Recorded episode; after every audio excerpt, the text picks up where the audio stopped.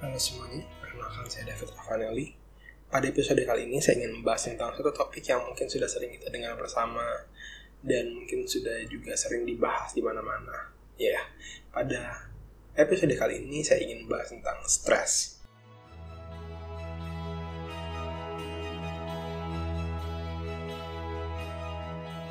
Uh, saya ingin membahas topik ini karena menurut saya stres sendiri masih dinilai terlalu negatif. Jadi ya mungkin stres itu dampaknya buruk atau lebih tepatnya ada dampak buruknya tapi uh, masih banyak yang beranggapan bahwa stres itu memang buruk aja gitu. Padahal sebenarnya kan stres itu bisa juga membawa dampak positif bagi kita. So, uh, sebelum kita bahas pertama kita akan membahas dulu tentang apa sih sebenarnya stres. Nah, stres itu sendiri adalah sebuah reaksi dari tubuh kita atau sebuah perasaan yang kita alami ketika kita berada di bawah tekanan.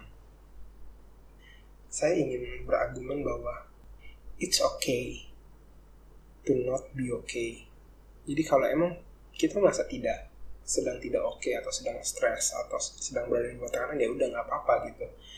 Karena ya, gimana pun itu adalah bagian dari kita dan itu adalah sebuah perasaan yang kita alami kalau saya secara pribadi nggak nggak terlalu suka sama orang-orang yang bilang oh iya nggak apa-apa kamu harus positif kamu harus eh, nggak uh, boleh negatif ya.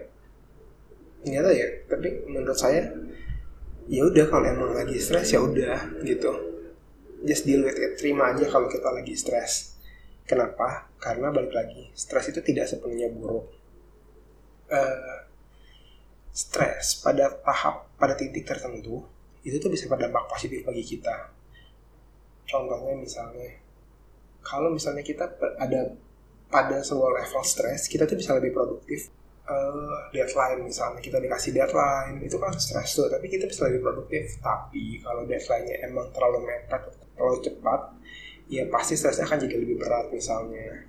Atau punya banyak beban itu nggak apa-apa selama kita masih sanggup tapi bebannya terlalu banyak misalnya beban secara fast ya beban secara finansial beban secara relationship beban secara akademis atau apa pun itu uh, kalau ditumpuk jadi satu dan dikasihnya dan dialami barengan itu pasti akan jadi akan buat kita malah jadi tidak produktif gitu. Mau ngapa-ngapain juga jadi males. Tapi kalau misalnya kita stres soal karir kita stres soal finansial tapi pada jumlah yang optimal atau jumlah yang pas ya kita akan lebih produktif. Makanya mungkin ada istilah yang sering bilang bahwa Tuhan tidak akan memberikan cobaan yang lebih besar dari kemampuan umatnya atau apa pun yang jenis itu. Nah kurang lebih itu sama sebenarnya. Jadi pada akhirnya stres itu tidak tidak sepenuhnya buruk. Karena stres sendiri itu adalah sebuah perasaan yang kita miliki dan ya itu sebagai satu sinyal bahwa kita harus melakukan sesuatu gitu loh. Uh, itu satu dan yang kedua. Kalau emang lagi stres nggak usah di nggak usah ditutup-tutupi dan nggak usah merasa kayak itu hal yang buruk banget. Ya udah gitu kalau stres terima aja. Kalau stres ya pikirin dulu pertama sumber stresnya apa sih. Yang kedua oke okay, udah tahu nih prosesnya kira-kira gue bisa ngapain sih? Jadi ada ada bagian-bagian yang emang bisa kita kendalikan ada yang enggak jadi ada faktor-faktor yang bisa kita lakukan ada hal-hal yang bisa kita lakukan untuk menanggulangi stres. Tapi ada juga sisi-sisi yang tidak bisa kita lakukan. Nah, kita mulai cari tahu nih apa sih yang bisa kita lakukan apa sih yang nggak bisa. Jadi nggak nggak semerta-merta karena stres oh ya udah get used to it aja biasain aja. Enggak tapi lebih tepatnya kita cari tahu dulu kita bisa ngapain sih sama si stresor ini atau faktor yang menyebabkan stres ini. Misalnya uh, contohnya dan ini nggak nggak bisa diterapkan ke semua orang ya tapi misalnya gaji gua terlalu dikit. Gua stres tuh gara-gara gaji gua terlalu dikit. Nah jalan keluarnya misalnya apa? Oh ya cari kerjaan yang lain. Atau oh cari penghasilan tambahan. Tapi ada hal-hal yang emang tidak bisa kita kendalikan. Misalnya stres yang terjadi misalnya karena ditinggal sama orang yang terkasih. Uh, kita kita nggak bisa ngapa-ngapain juga. So kita ya kita harus terima aja gitu. Dan kalau misalnya kita lihat ada orang yang mengalami itu ada baiknya kalau kita tuh nggak usah bilang kayak eh udah dong kamu jangan sedih terus dong. Ya udah biarin aja. Emang udah itu lagi momennya saatnya dia untuk merasakan sedihnya gitu loh. Karena kalau misalnya seorang lagi stres dan kita nggak bisa bantu malah kita kasih nasihat iya tahu niat kita baik. Uh, tapi kita malah kasih nasihat bahwa eh ya udah dong kamu jangan sedih-sedih terus dong. Nah itu tuh nggak bantu apa-apa malah bikin kesel gitu loh ada baiknya ya udah biarin aja atau ya gue tahu ini berat. Kalimat-kalimat kayak gitu aja. Even tuh emang cuma bahasa basi pun ya nggak apa-apa tapi jangan sampai kayak kesannya lo kok sedih sedih mulu happy dong? Ya karena kita nggak tahu pertama dia ada masalah apa. Yang kedua kalau dia punya masalah pun kita tuh belum nggak bisa bantu gitu. Kalau kita nggak bisa bantu kita nggak tahu masalahnya ya udah gitu. Lebih baik untuk jadi pendengar aja kalau dia mau cerita. Kalau dia nggak mau cerita jangan dipaksa juga jangan kepo. Uh, ini kalau kita yang merasakan stres ya udah nggak apa-apa nggak usah malu gitu. Ngomong aja sama orang terdekat kita eh gue lagi stres nih. Sharing aja nggak apa itu bukan dosa dan bukan masalah juga. Uh, jangan sampai kita kekurung di suatu kondisi yang biasanya disebut oleh toxic positivity. Jadi kalau biasanya kan dulu ada namanya toxic uh, taunya kayak toxic relationship lah. Ada toxic apalagi? Jadi kayak kalimat-kalimat toxic. Nah ini ada namanya toxic positivity. Jadi saat kita menutupi semuanya dengan bahagia jadi iya tahu lagi sedih tapi kita pura-pura seneng pura-pura berbahagia. Terus merasa bersalah karena kita merasa perasaan sedih itu tuh enggak sebenarnya tuh nggak baik juga buat kita gitu loh. Karena perasaan itu supposed be diekspresikan gitu supposed to dikeluarkan gitu loh. Termasuk stres. Kayak terus kalau misalnya kita nggak sedih terus kita milih kayak ayo udahlah gue nggak pikirin gue tinggalin aja.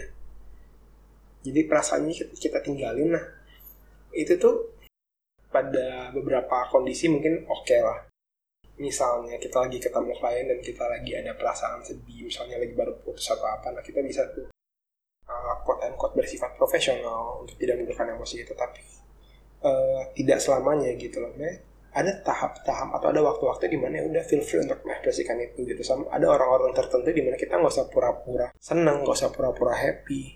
Karena stres itu bukan hal yang memalukan dan kayak semua orang merasakan stres. Kayaknya nggak ada sih yang hidup tanpa stres gitu loh.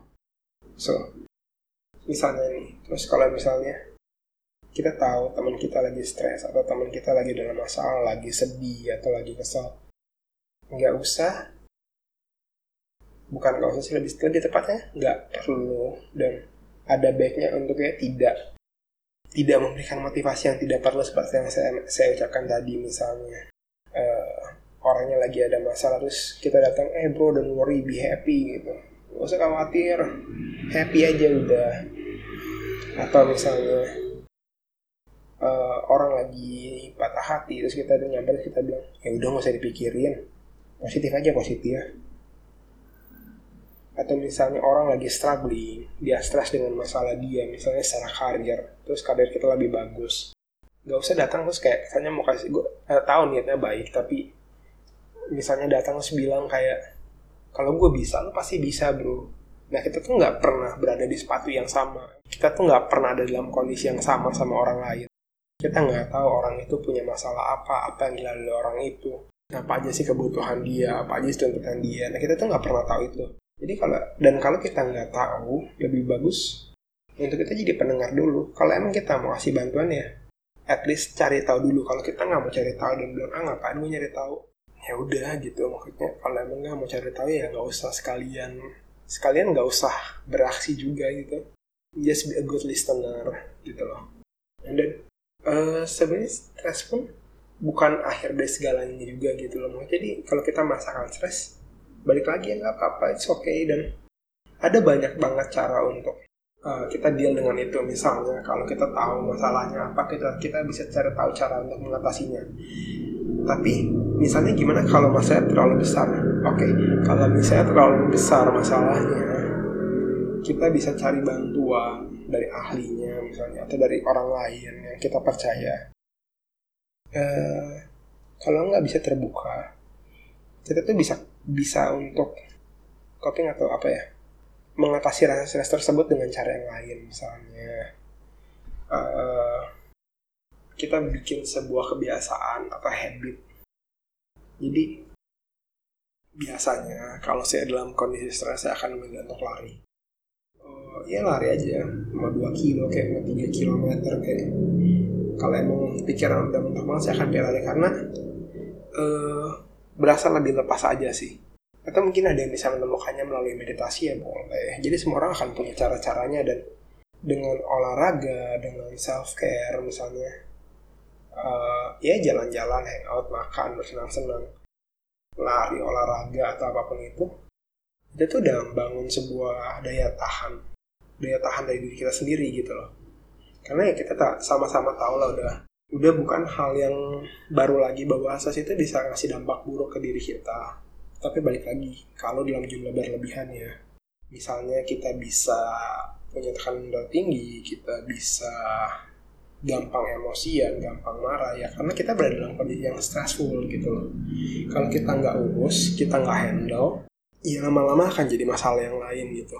Makanya uh, either kita deal with it atau kita coping with it gitu loh. Tapi jangan sampai di pura-pura nggak ada gitu loh. Karena ya kita nggak siapa yang kita mau bohongin gitu. Orang lain mungkin bisa lihat kita baik-baik aja tapi sebenarnya kan yang tahu diri kita adalah kita sendiri sebenarnya dan dari tadi kan selalu bilang bahwa stres yang dalam titik optimal itu baik tapi pertanyaan adalah stres yang optimal itu gimana sih nah karena semua orang berbeda karena semua makhluk diciptakan beda titik optimal bagi semua orang itu tuh berbeda-beda juga gitu loh.